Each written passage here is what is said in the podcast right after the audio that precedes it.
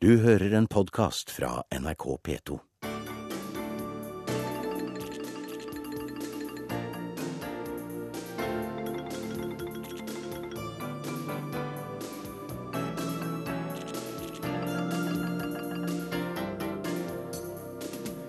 Indiske styresmakter vil senke den kriminelle lavalderen, slik at alle gjerningsmennene i den brutale voldtektssaka kan få dødsstraff. Norsk FN-topp i New Delhi arbeider nå for å sikre rettstryggheten til alle parter. Stadig flere spanjoler er avhengige av nødhjelp. Tolv millioner blir nå regna som fattige. Kreftsyke Hugo Chávez har ikke vist seg på en måned. Er dette slutten for Latin-Amerikas sterke mann? Sør-Afrika er blant de landene i verden der forskjellene mellom fattig og rik er størst.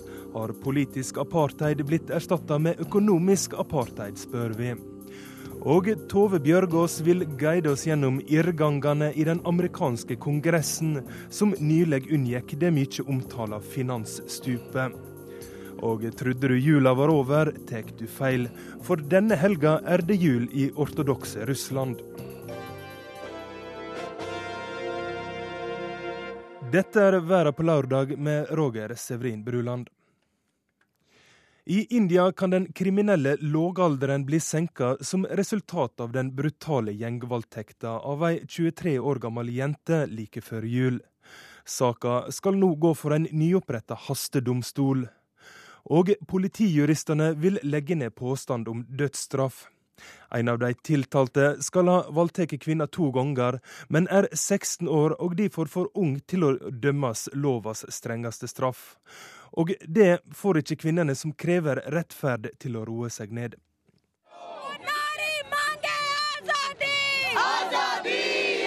Studenter i New Delhi dannet i går en menneskelig lenke for å vise solidaritet med den unge kvinnen som kjempet, men til slutt måtte gi tapt på et sykehus i Singapore.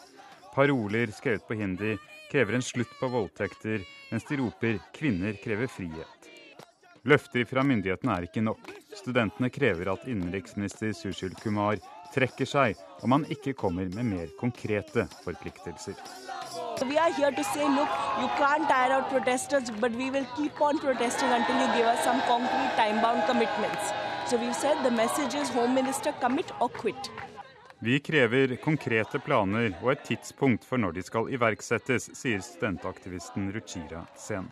Innenriksminister Sushil Kumar fra Kongresspartiet sier politiet har fått beskjed om å skjerpe seg og være spesielt årvåkne i forhold til overgrep og kriminalitet rettet mot kvinner. To uh, to be very strict, vigilant as far as the uh, uh, women's uh, harassment is concerned. Fem av de seks som medvirket til voldtekten og bankingen som til slutt drepte kvinnen, er fremstilt for domstolen som har sitt første rettsmøte i dag. Den siste er 17 år gammel og kan derfor kun straffes av en domstol for mindreårige. Dette betyr at gutten vil slippe unna dødsstraff.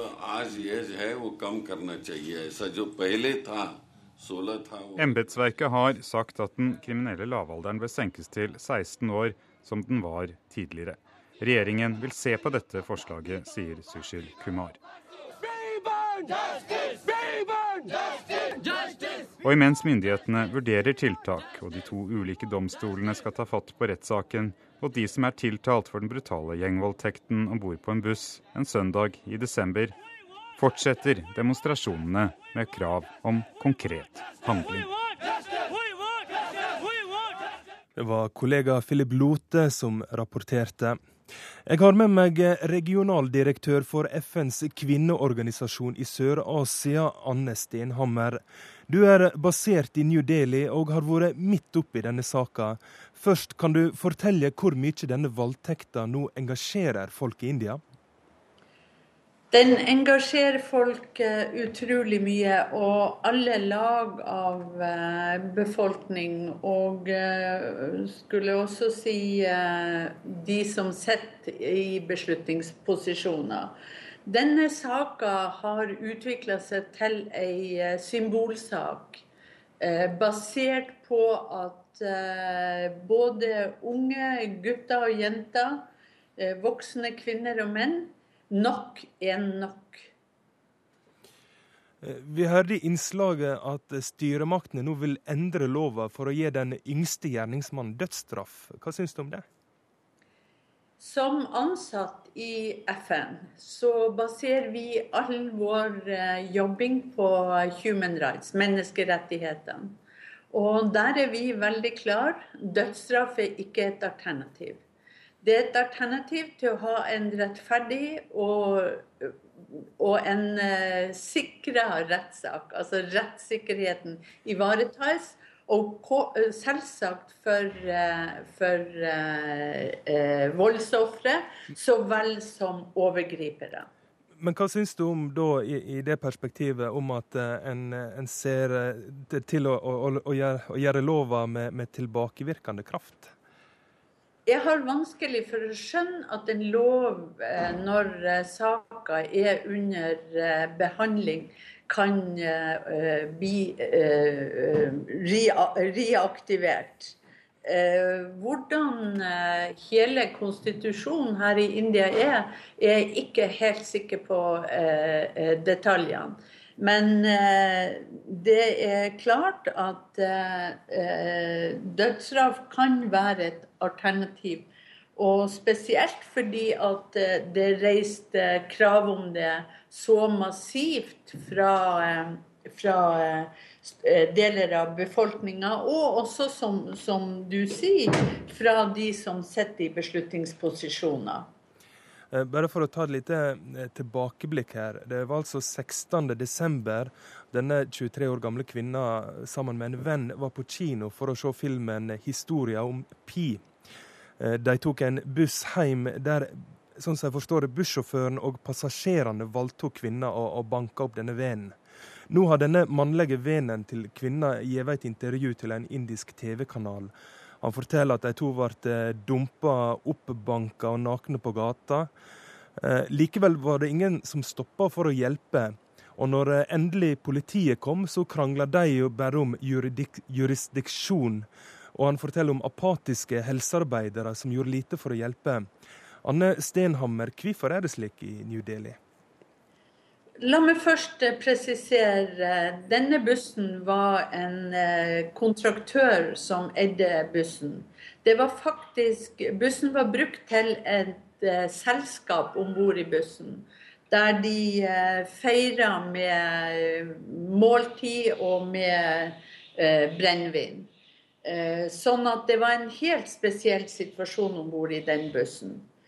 Eh, at når de blir dumpa, at eh, folk eh, passerer og ikke griper inn, ja, det er et fenomen her i India, og det er faktisk et fenomen i, i andre store byer. At vi bryr oss ikke om det vi ser, og vi griper ikke inn. Og det har noe med også redselen for hva kan skje med meg når jeg griper inn vil jeg bli det neste offer. Nummer én. Nummer to, eh, det har vært, og det er fremdeles, stor kritikk eh, mot politiet og politiets opptreden. Både i denne saka og i andre saker når det gjelder å, eh, å handle, skal jeg si, være handledyktig. Og eh, hvorfor det er sånn, det er vel fordi at eh, vi er i en uh, rimelig stor by. Jeg er ikke så sikker på at uh, den treninga politiet har, er god nok. Jeg er heller ikke sikker på at sensitiviteten blant politiet, som er mestparten menn Jeg tenker at det 93% er menn, er, er skikkelig eh, eh skal jeg si eh, eh utvikla. Eh, sånn at jeg tror ikke det er én årsak til hvorfor det er sånn. Jeg tror det er mange årsaker. Og det tror jeg vi kan Jeg kan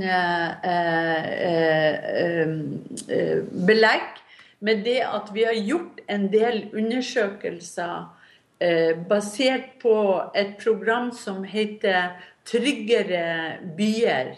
eh, globalt. Og Delhi er en av byene som er med her.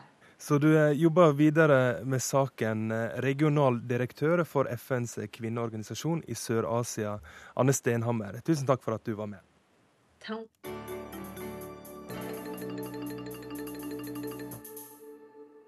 Nå skal vi på julegatevandring i Moskva. For russerne feirer først jul denne helga. Det er pga. den ortodokse kirka som nytter den julianske kalenderen. Så for russerne har det denne veka vært innspurt i julestria.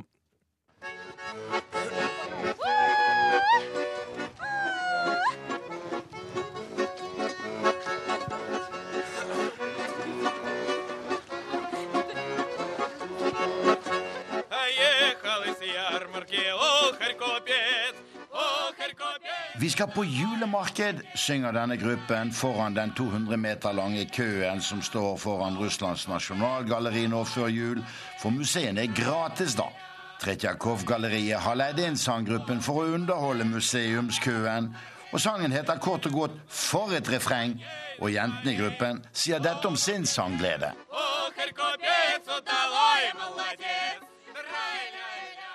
Конечно, от большой любви к родине, к России нашей матушке. Мы круг друзей. Да, мы веселые друзья. Selvfølgelig synger vi av glede og kjærlighet til moder Russland. For vi er en munter vennegjeng, sier sangfuglene foran Nasjonalgalleriet rett over elven fra Den røde plass.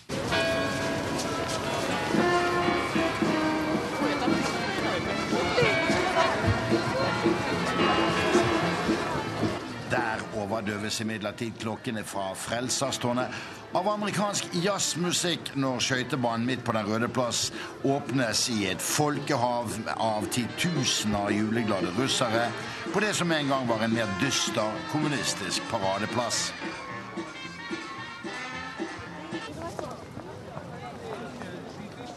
Russerne går mann av huse nå i innspurten før julaften. Det er lite i Moskva som eh, vitner om ateiststaten som undertrykte religionen helt frem til 1991. Nå er det julegleden som preger den vakre plass som Den røde plass også betyr. Foran den store julegranen ved inngangen til Den røde plass, eller Krasnaja plosjad, står en bestemor med femåringen Vanja, og vi spør henne om 74 år med ateiststat reduserte juletradisjonenes betydning her i Russland А я так думаю, что они не пропадали. Все, говорится, были, и никуда они не девались. Извините, они были, есть и будут всегда. Jeg mener jo at juletradisjonen aldri forsvant. De ble ikke kvitt dem. Juletradisjonene eksisterte, eksisterer og vil alltid eksistere, sier denne godt voksne damen. Mens barnebarnet Vanja på fem år her på julemarkedet like godt synger sin yndlingssang til jul om juletreet.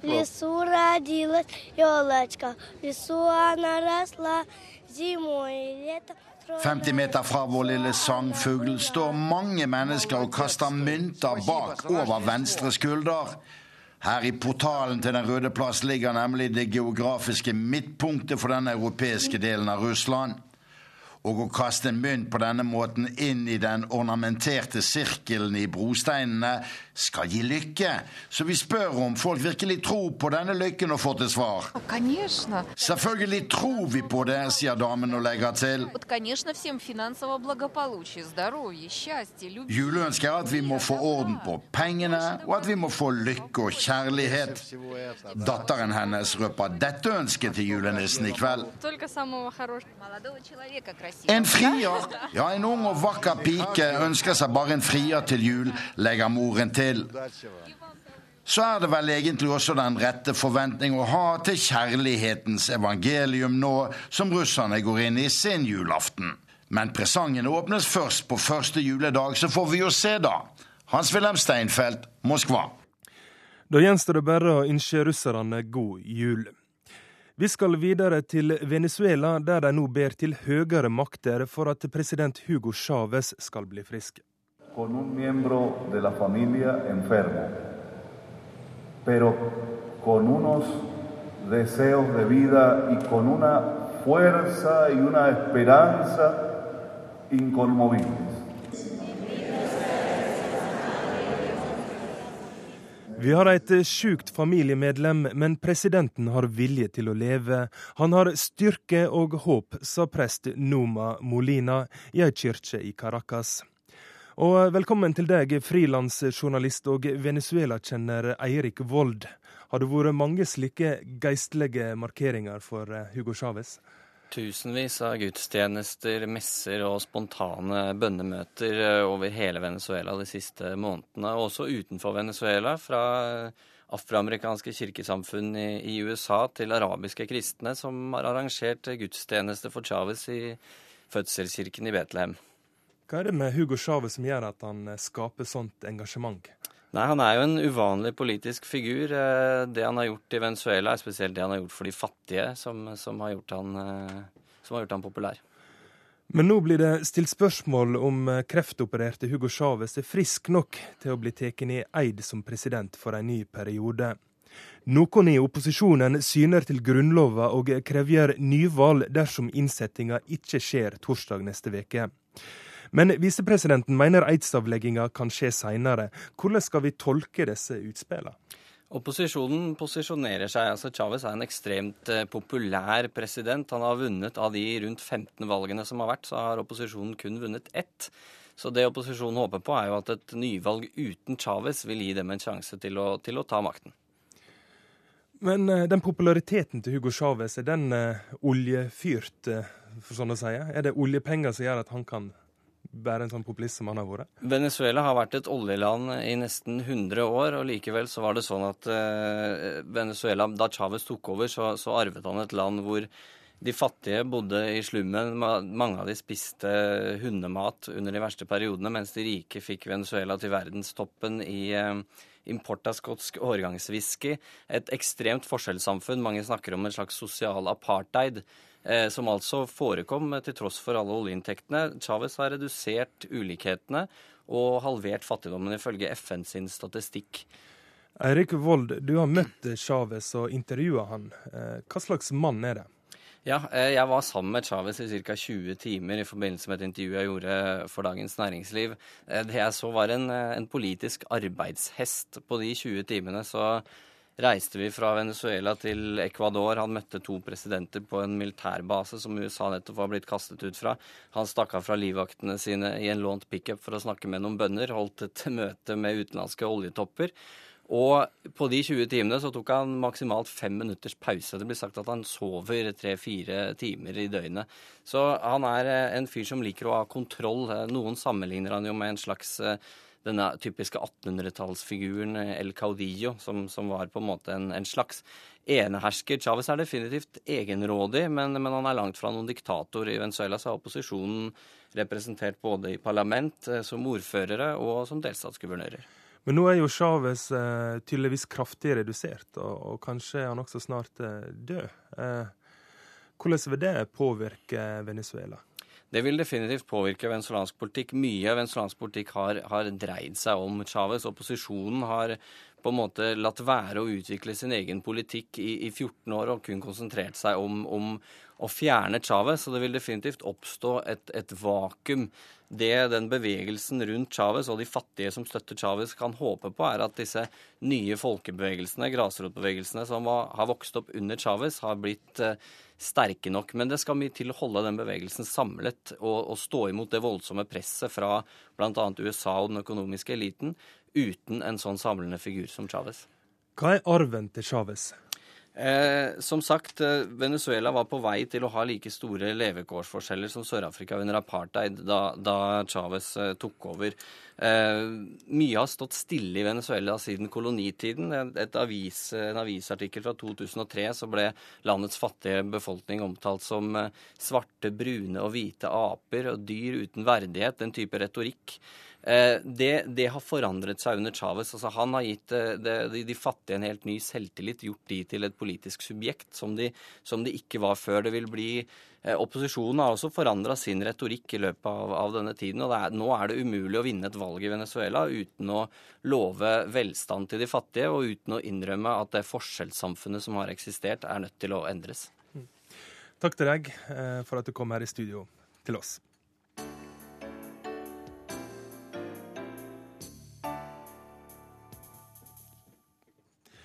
Vi skal til Spania, der fattigdommen nå øker raskt som følge av den økonomiske krisa. Ifølge offisielle tall blir nå tolv millioner spanjoler regna som fattige, og stadig flere er avhengige av nødhjelp fra de spanske hjelpeorganisasjonene. Arnt Stefansen har sendt oss denne reportasjen fra Madrid.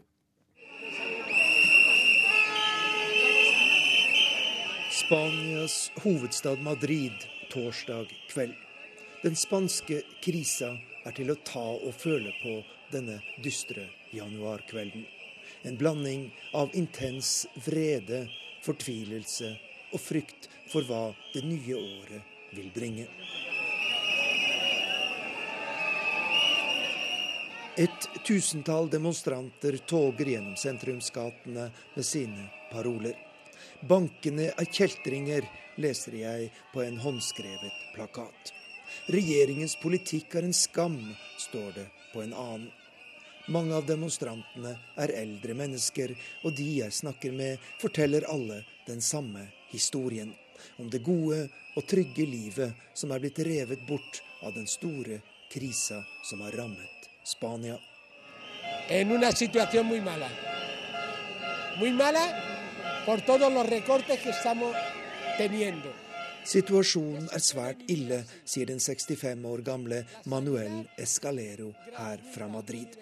Det er brutale nedskjæringer vi er blitt utsatt for. Pensjonene er blitt mindre, og det er kuttet så kraftig i helsestell og offentlige tjenester at det nå er svært vanskelig å klare seg.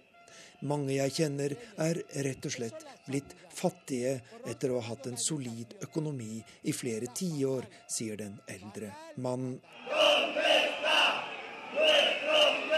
Tallet på nye fattige er kanskje det mest alvorlige signalet om at den spanske krisa nå går inn i en mer dramatisk fase.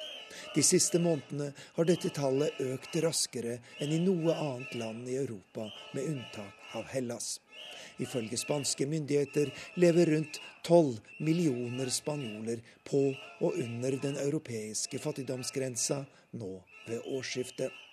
De spanske hjelpeorganisasjonene er under et voldsomt press for å hjelpe egne borgere. Estamos llegando a los límites tanto en recursos como en capacidad para atender a las personas. Vi er nå helt på smertegrensen når det gjelder ressurser, sier talskvinne Fani Raga i den katolske hjelpeorganisasjonen Caritas. De siste månedene har det vært en dramatisk økning i tallet på fortvilte mennesker som kommer til oss for å få noe å spise. I løpet av året har vi hjulpet mer enn én million mennesker her i Spania, og alt det vi greier å samle inn av penger, blir nå brukt til å hjelpe egne borgere. En uhørt situasjon. For bare få år siden gikk all hjelpen til fattige i den tredje verden, sier talskvinnen for Caritas. Bankene og regjeringen er samme dritten, roper demonstrantene her i Madrid. Tilliten til det regjerende høyrepartiet Partido Popular er på et lavmål et drøyt år etter at det kom til makten og statsminister Mariano Rajoy hadde små forhåpninger å tilby sine landsmenn da han ga en pressekonferanse i romjula.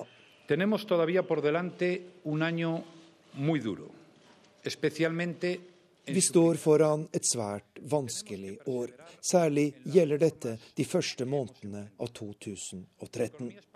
Den spanske økonomien vil fortsatt være i nedgang en tid fremover, men vi håper at situasjonen vil begynne å bedre seg fra annen halvdel av 2013. Jeg forstår godt spanjolenes utålmodighet, skepsis og skuffelse, men det vi gjør er helt nødvendig for å skape grunnlag for en sunn økonomisk vekst. Og jeg kan forsikre dere om at situasjonen her i Spania hadde vært enda verre dersom vi ikke hadde gjort disse ofrene, sier den spanske statsministeren.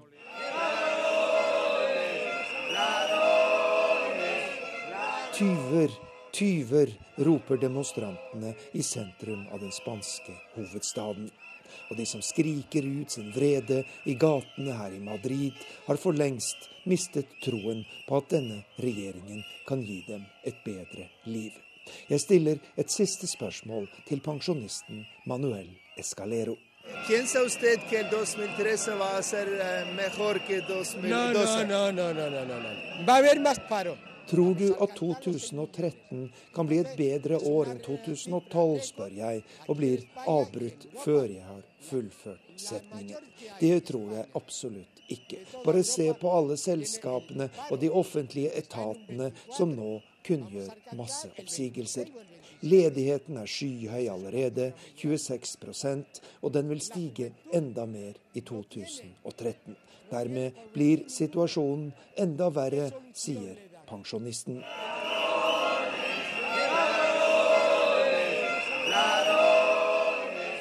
Og Ann Stefansen, du er nå med oss fra Madrid. Det høres alvorlig ut når folk i Vest-Europa trenger nødhjelp. Vil situasjonen bli bedre eller verre?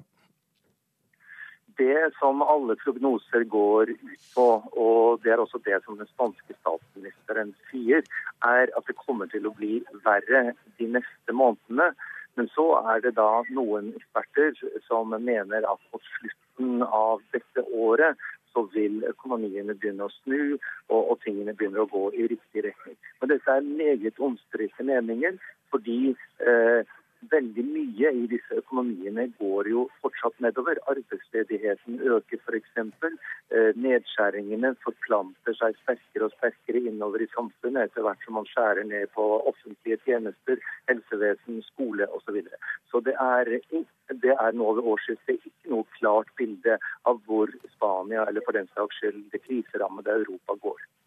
Men samtidig så går jo eksportindustrien i Tyskland som det suser. Eh, hvordan forklarer en det? Den viktigste forklaringen er at uh, Tyskland er i en uh, historisk sett en nokså unik situasjon. De har en økonomi som går bra, en eksportøkonomi som går veldig bra, med, med gode markeder i bl.a. Kina og, og Latin-Amerika. Men samtidig så tjener de på en måte på at Europa er i krise, for det holder, det holder kursen på euroen nede. Slik at de oppnår faktisk noe som en stat normalt aldri oppnår. En sterk økonomi og en valuta som ikke opplever inflasjon. Og dermed så har de en veldig konkurransefordel i det internasjonale markedet. 22.1 er det valg i Israel. Alt tyder på at Benjamin Netanyahu holder fram som statsminister. Men denne gangen må han støtte seg på en enda mer høyreorientert koalisjon. Og drømmen om den palestinske staten er fjernere enn noensinne, mener utenrikskommentator Gro Holm. Tidligere denne uka møter representanter for statsministerens parti, Likud, representanter for to andre høyrepartier for å snakke om framtida for Vestbredden. Jødiske bosettinger og veinettet reservert for jøder opptar nå om lag 40% av territoriet. De israelske nybyggerne har lagt beslag på mesteparten av vannreservene og forbruker i snitt daglig fire ganger så mye vann som palestinerne. Nå mener mange israelske politikere at dette ikke er nok.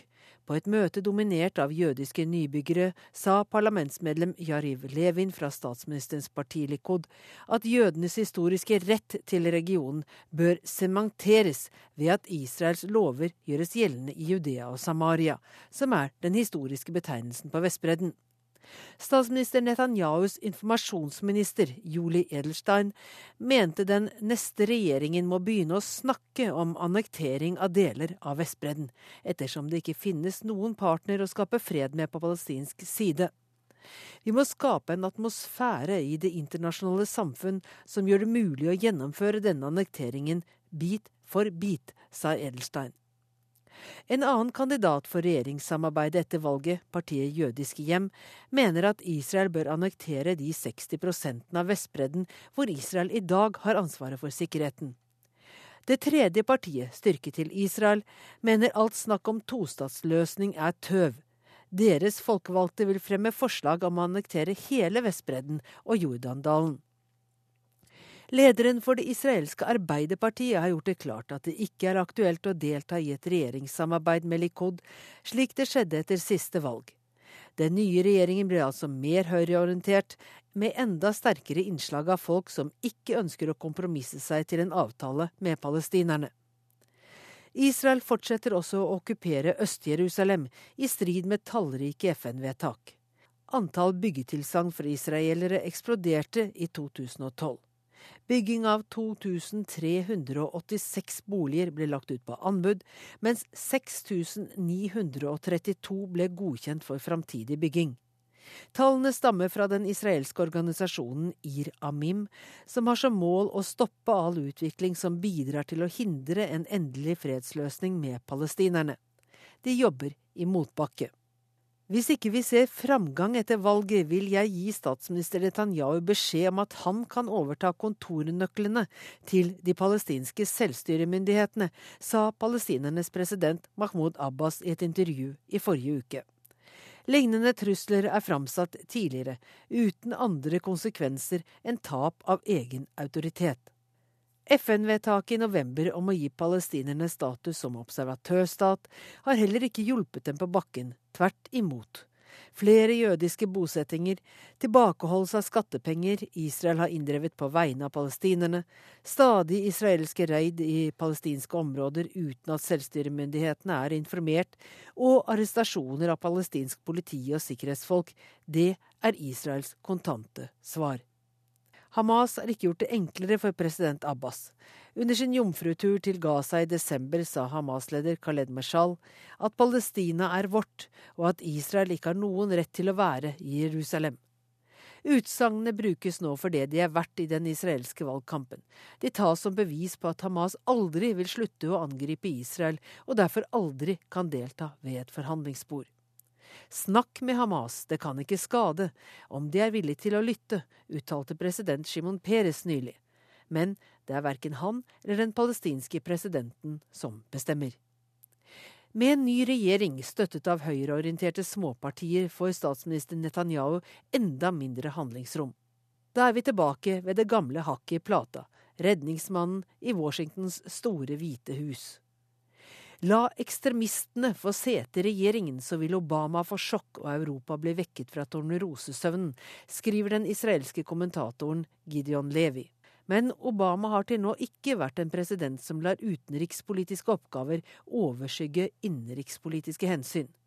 Det vil overraske om han tar kostnadene ved å presse Israel til forhandlinger som kan gi resultater. Det skal mye maktbruk til for å overbevise en så motvillig venn. Størst gap mellom fattig og rik i hele verden. Det er situasjonen i Sør-Afrika 18 år etter at apartheidregimet ga fra seg makta til frigjøringsrørsla ANC. Den økonomiske veksten har ikke hjulpet millioner av arbeidsløse sørafrikanere. Afrikakorrespondent Lars Sigurd Sunnanå rapporterer fra slummen i Johannesburg.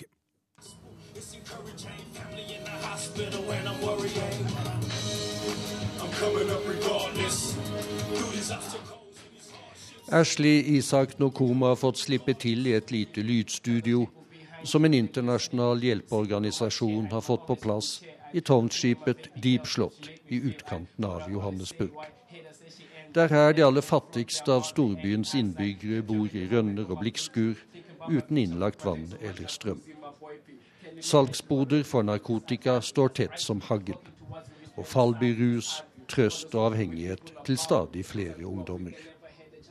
23 år gamle Ashley har så langt gått klar narkotikaens svøpe, og håper at musikken og kommende plateinnspillinger skal gi ham en fremtid. For på Sør-Afrikas ordinære arbeidsmarked har han og alle de andre ungdommene i Deep Slott svært små sjanser til å lykkes. This is very difficult, um, especially where I am in Deep Slot here, because uh, everything is very hard while you in, in, in a hood. Det er svært vanskelig, særlig her i Deep Slot, sier han. Alt er veldig hardt i en slum, på en plass som denne. Vi prøver å skaffe oss arbeid, men det går ikke. Du ser hvordan vi lever. Vi vil jo virkelig komme oss vekk. Hvor mange som bor i Deepslott er uklart. Det er snakk om flere hundre tusen. Mange kom til Johannesburg i håp om arbeid og et bedre liv, men havnet her i stedet. Til tross for en solid økonomisk fremgang i Sør-Afrika det siste tiåret, har ikke den økende velstand dryppet ned på Deepslott og en lang rekke andre tilsvarende samfunn på landets skyggeside, der det bor millioner av mennesker. Gloria Mungani kom til Johannesburg med datteren sin for elleve år siden. Også hun håpet på arbeid, hus og hjem. Nå holder datteren strøjobber så vidt livet dem, i blikkskuret som er blitt deres husvære i Deepslott. and uh, full time uthola ukuthi lapha abantwana Når det regner, blir det fullt av vann, forteller hun. Det hjelper ikke å støpe gulvet med sement. Vannet siver igjennom. Dette er jo en sump. Utenfor strømmer det da kloakk, og det er lett for små barn å bli tatt av strømmen. En kort kjøretur fra Deep Slott skyter et nytt forretningsbygg i været i Santon, bydelen i Johannesburg der de rikeste bor bak murene sine. Det er en annen verden. Et utstillingsvindu, Afrika på sitt mest vellykkede og prangende. Det er Santon, bankene, forsikringsselskapene, advokatfirmaene og de store gruveselskapene har valgt å slå seg ned. Sammen med millionærer og milliardærer, og med Johannesburgs mest eksklusive kjøpesenter som et samlings- og midtpunkt. Forskjellen på fattig og rik blir mer og mer urovekkende nå, mener Michelle Reuters, som er analytiker i Development Bank of South Africa. I think it's extremely dangerous for South Africa because we are one, um, the most in, unequal um, community in the world.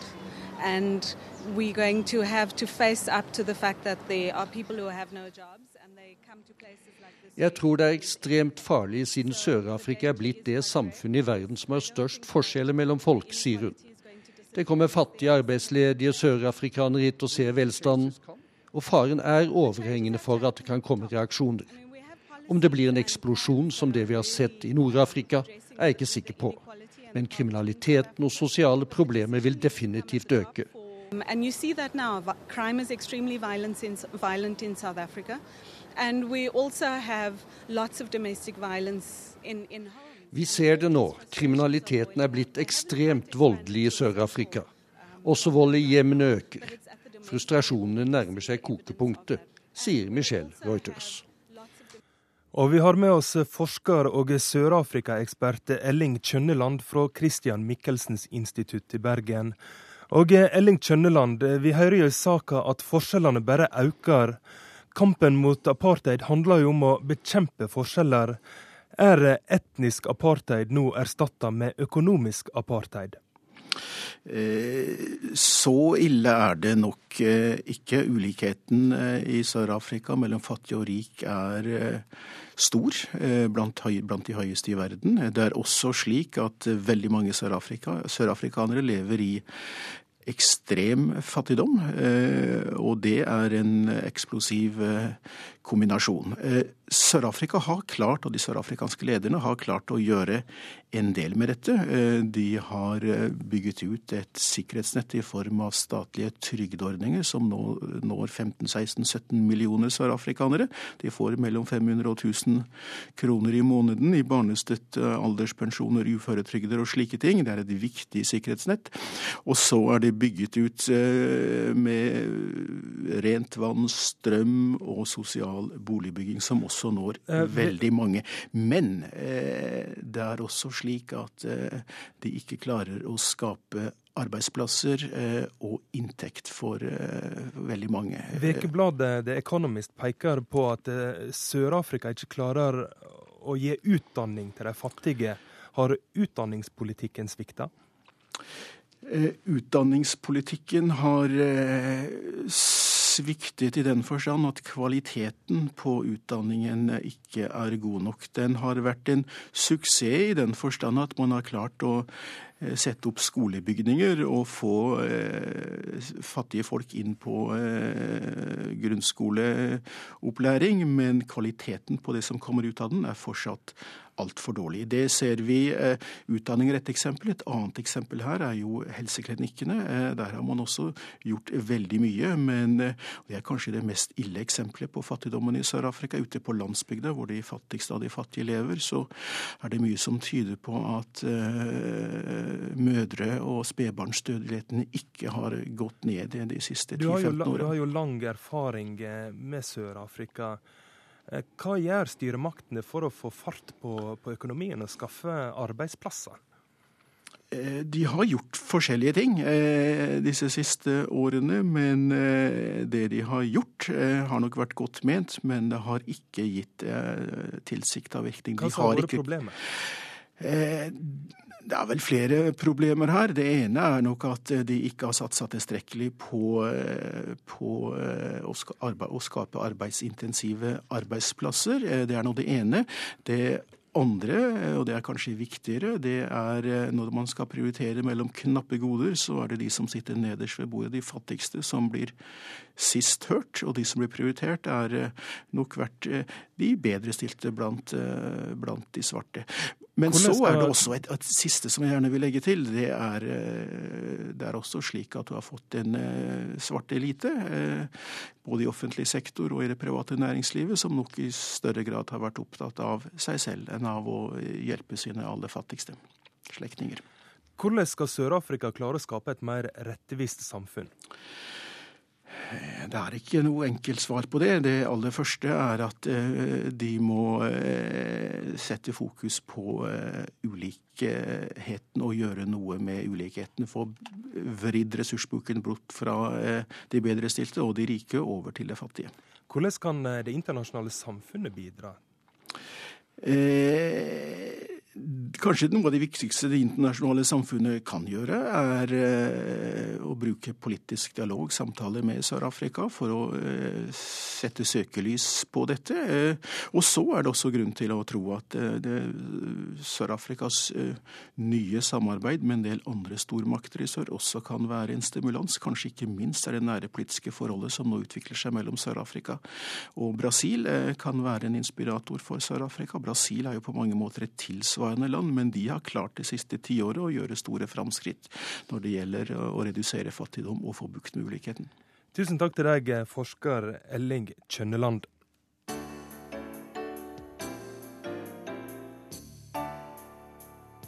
Disgusting, unworthy of the leadership of this House. They should reconsider or they should hang their heads in shame, Mr. Speaker. I'm usually proud of this House. Tonight I am ashamed. Shame on you, Mr. Speaker. Ja, slik var tonen i den amerikanske kongressen denne veka. Den demokratiske representanten Gerald Nadler gjev her ledelsen i representanthuset det glatte lag for å ha nekta å stemme over ekstraløyvinger til de som ble råka av orkanen Sandy. Krangling gjør at politikerne knapt klarer å vedta noe som helst, medan USA er i krise. Kollega Tove Bjørgaas har mer. Det amerikanske politiske systemet er ødelagt. Det virker ikke, hevder mange. Ikke minst etter at amerikanerne nok en gang fikk nyttårsfeiringen ødelagt av at de folkevalgte i Washington nesten sendte landet utfor budsjettstupet fordi de ikke klarer å bli enige om noe som helst. Forhandling er nøkkelen i det politiske systemet i USA. Når presidenten og kongressflertallet kommer fra ulike partier, er en nødt til å kompromisse for å få vedtatt noe. Dette har fungert godt i flere perioder, også i nyere amerikansk historie. Men i dag er den amerikanske sentrumspolitikeren nærmest en saga blått. Arbeidshestene i sentrum har falt fra. Republikaneren Arlen Spekter og demokraten Ted Kennedy, f.eks. To politikere som sto på sitt, men forsto at en må forhandle for å få gjennomslag. I stedet har Kongressen fått liberale demokrater og konservative republikanere som hevder sine prinsipper og nekter å gi seg. I 2010 marsjerte Tea Party-representantene inn på Capitol Hill. Mange med den amerikanske grunnloven i brystlommen, som en gjeng rødegardister. Jeg elsker Grunnloven. Jeg leser litt fra den hver dag, sa en slik kongressrepresentant til meg i valgkampen det året. Men nettopp denne 225 år gamle grunnloven, som alle gode amerikanere skal kunne sitere fra, er problemet, hevder enkelte. Grunnloven har tatt kvelertak på USAs politikere, og nå må de slippe den, skrev jusprofessor Louis Sideman ved det anerkjente Georgetown-universitetet i en kronikk i New York Times i romjula. Han mener politikerne må slutte å ha slik respekt for Grunnloven, og begynne å tenke på landets beste i stedet. Et eksempel. Under den helt fastlåste budsjettstriden i forrige uke nektet republikanerne i Senatet å stemme over forslag til skatteletter, fordi Grunnloven sier at forslag om skatteinntekter skal behandles i Representantenes hus først. Mens Representantenes hus var på handlingslammet juleferie, og mangel på en skatteavtale kunne føre til børsras og økonomisk katastrofe for USA, ville disse politikerne altså la en prosedyre i Grunnloven hindre dem i å bestemme noe som helst. Professor Sideman mener dette var en håpløs vurdering av minoritetslederen i Senatet, Mitch McConnell. Når USA står oppe i en vanskelig situasjon i 2012 eller 2013, nytter det ikke å komme løpende med Grunnloven fra 1787. For det er ikke slik, mener Sideman, at en gruppe hvite, rike menn som levde for 225 år siden, menn som holdt slaver og mente bare enkelte burde ha stemmerett, vet best hvordan politikk bør drives i dag. Dersom grunnlovsfedre som James Madison og Thomas Jefferson hadde dukket opp i Senatet på nyttårsaften, ville de ha krevd handling, ikke respekt for Grunnloven. Jefferson mente faktisk at en grunnlov ikke burde vare lenger enn én generasjon. Og mange politikere i amerikansk historie har ment at Grunnloven er et ideal som inneholder prinsipper å strekke seg etter, men at den ikke trenger å følge den til punkt og prikke. Hadde man gjort det, ville amerikanerne definitivt ikke hatt tilgang til fri abort, og kanskje ville slaveriet ikke engang ha vært avskaffet. Tove Bjørgaas om den amerikanske grunnlova der. Årets første korrespondentbrev er postlagt Moskva og handler om et 20 år langt kjærleiksforhold som ble avvikla ved nyttår. I romjulen for to år siden åpnet rektor Ole Petter Ottersen ved Universitetet i Oslo representasjonskontor her i Moskva. Det varte bare i to år, og fra nyttår ble det hele nedlagt. I sin tale om rikets tilstand sa president Vladimir Putin 12.12. at internasjonalt universitetssamarbeid skal prioriteres videre i Russland. Som alltid er Russland svært sentraldirigert men Universitetet i Oslo har dratt på landet og retirert til St. Petersburg. Dermed er et 20 års gammelt kjærlighetsforhold mellom Norges største universitet og det russiske vitenskapsakademi her i Moskva avsluttet. De har kuttet med hverandre, ville 20-gutten i Bergen sagt om slikt forhold. Den akademiske con amore mellom Universitetet i Oslo og russerne var visjonær i sin art. I 2009 sa nyvalgt rektor at alle universiteter i Vesten springer beina av hverandre i et kappløp mot Beijing. Derfor ville rektor Ole Petter Ottersen bygge på det omfattende nettverket som Universitetet i Oslo ved Det medisinske fakultet hadde bygget opp helt siden 1993 her i Moskva. Og da Nobels fredspris gikk til den kinesiske dissidenten Liu Xiaobo året etter, i 2010, så bunnfrøs den kreative andedammen mellom Norge og Kina. Ja, det var som om forsynet hadde ledet russlandsprioriteringen i det utmerkede hodet til rektor ved Universitetet i Oslo. Men hvordan begynte det hele? Jeg har i årevis transitert Arlanda flyplass på vei til Moskva. På flyplasser er det jo alltid noen som skal fortelle meg noe som de har på hjertet om Russland. Slik var det også en forårsdag for 20 år siden. Fire høflige herrer shanghaiet meg over en kaffekopp mens jeg ventet på avgangen fra Stockholm til Moskva. Det var tre professorale musketerer pluss en d'Artagnan i form av forskningsdirektør Tom Løland på Blindern. Musketerene var radiologiprofessor Frode Lærum fra Rikshospitalet, nyremedisinprofessor Torstein Håvik fra samme sted og den russisktalende medisinprofessor Sjur Olsnes fra Radiumhospitalet, og de hadde virkelig noe på hjertet. De inviterte seg selv til kaffe på kringkastingens Taiga-kontor neste dag. Da fortalte de at statlig finansiering av forskning her i Russland hadde falt fra 95 til 45% på ett år etter Sovjetunionens oppløsning. Hjerneflukten var i full gang. Den dag i dag arbeider 50% av Russlands beste vitenskapsfolk i Vesten. Den gang, i 1993, finansierte USA allerede programmer som skulle holde de 3000 russerne som kunne mekke sammen en atombombe hjemme, av hensyn til ikke-spredning av atomvåpen. Nå ville de tre musketerene fra Universitetet i Oslo opprette en forskningsstiftelse ved instituttene for molekylærbiologi og genbiologi i Moskva. Professor Sjur Olsnes kjente miljøene godt. Ideen var å gi norske stipend til forskere som drev basal forskning relatert til kreft, for alternativt kunne unge russiske biologer med slik kompetanse og null statlig finansiering i ryggen stikke av til f.eks. en Saddam Hussein og lage dirty weapons, biologiske våpen. Nå ble de i stedet hjemme. Gudskjelov at det fantes fremsynte og kloke forskere i Oslo i 1993, sa en visepresident i det russiske vitenskapsakademiet til universitetsrektor Ole Petter Ottersen her i Moskva for to år siden.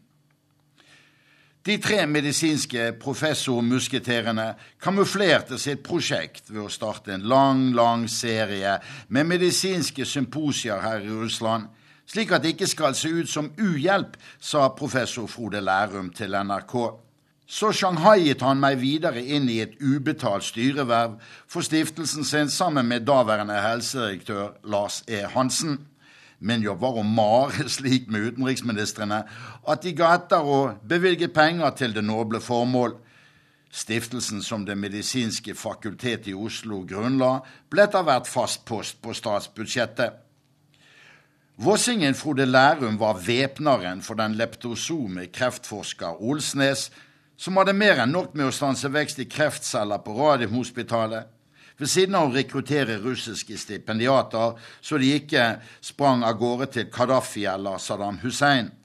Frode Lærum startet vårt vennskap for 20 år siden ved å definere Bergen som havnebyen til Vås. Det falt jeg for. Men jeg falt også for professor Lærums veritable evne til å få norske toppmedisinere med på ren dugnadsbasis, reise til Moskva på fritiden og delta i vitenskapelige symposier. Seniorer som Bjarne Våler og Jarle Ofstad var blant de mange velvillige, og hva fikk de ikke høre?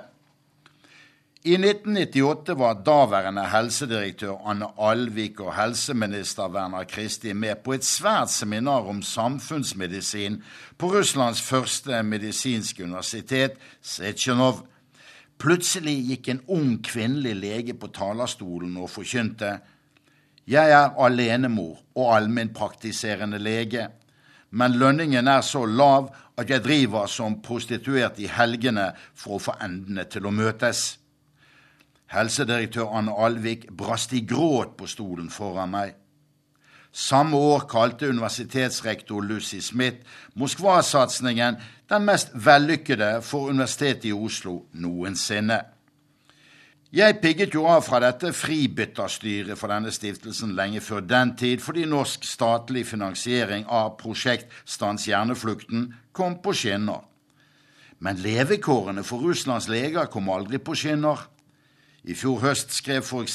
president Leonid Roshald i Russlands legeforening i tidsskriftet Makten at det ikke er korrupsjon når folk i provinsbyene gir legene en skjerv som takk for hjelpen.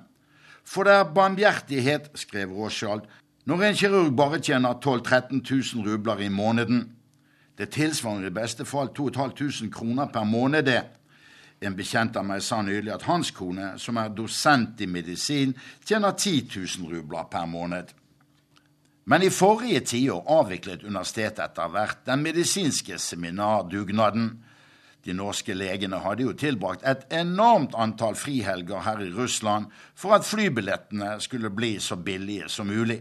Jeg vet det, for min egen kone ledet administrativt denne forskningsstiftelsen i 15 år, og da var hun småbarnsmor. Men etter ildsjelenes legegenerasjon tørket dugnadsånden inn, og ingen nye kom til. Det er nok mer behagelig å reise til USA og drive forskningssamarbeid den veien, tenkte jeg for meg selv.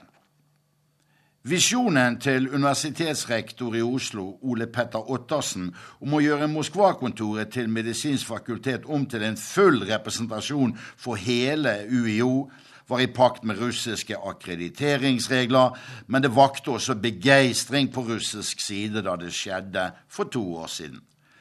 Tanken var vel nærmest en vitenskapsambassade for alle norske universiteter her i Moskva. Men hvem blir vel profet i eget land? I hvert fall ikke Ole Petter Ottersen. For i fjor bestemte hans dekanus ved Det medisinske fakultet på Universitetet i Oslo å nedlegge hele virksomheten i Moskva. Begrunnelsen var at de norske medisinske forskningsmiljøene i dag ikke har vist noen vilje eller evne til å bruke dette unike nettverket eller vennskapet som var bygget opp i Moskva gjennom 20 år mellom Universitetet i Oslo og det russiske vitenskapsakademiet, og det er her i hovedstaden Moskva at makten rår i Russland. I stedet satser våre hjemlige akademikere på å slå pjaltene sine sammen omkring et i og for seg utmerket senter for språkopplæring i St. Petersburg, men derfra er det enda lengre til Beijing enn fra Moskva, hvis noe norsk universitet i overskuelig fremtid overhodet får tillatelse til å delta i et kappløp mot Beijing igjen, så bunnfrosset som de forbindelsene er blitt.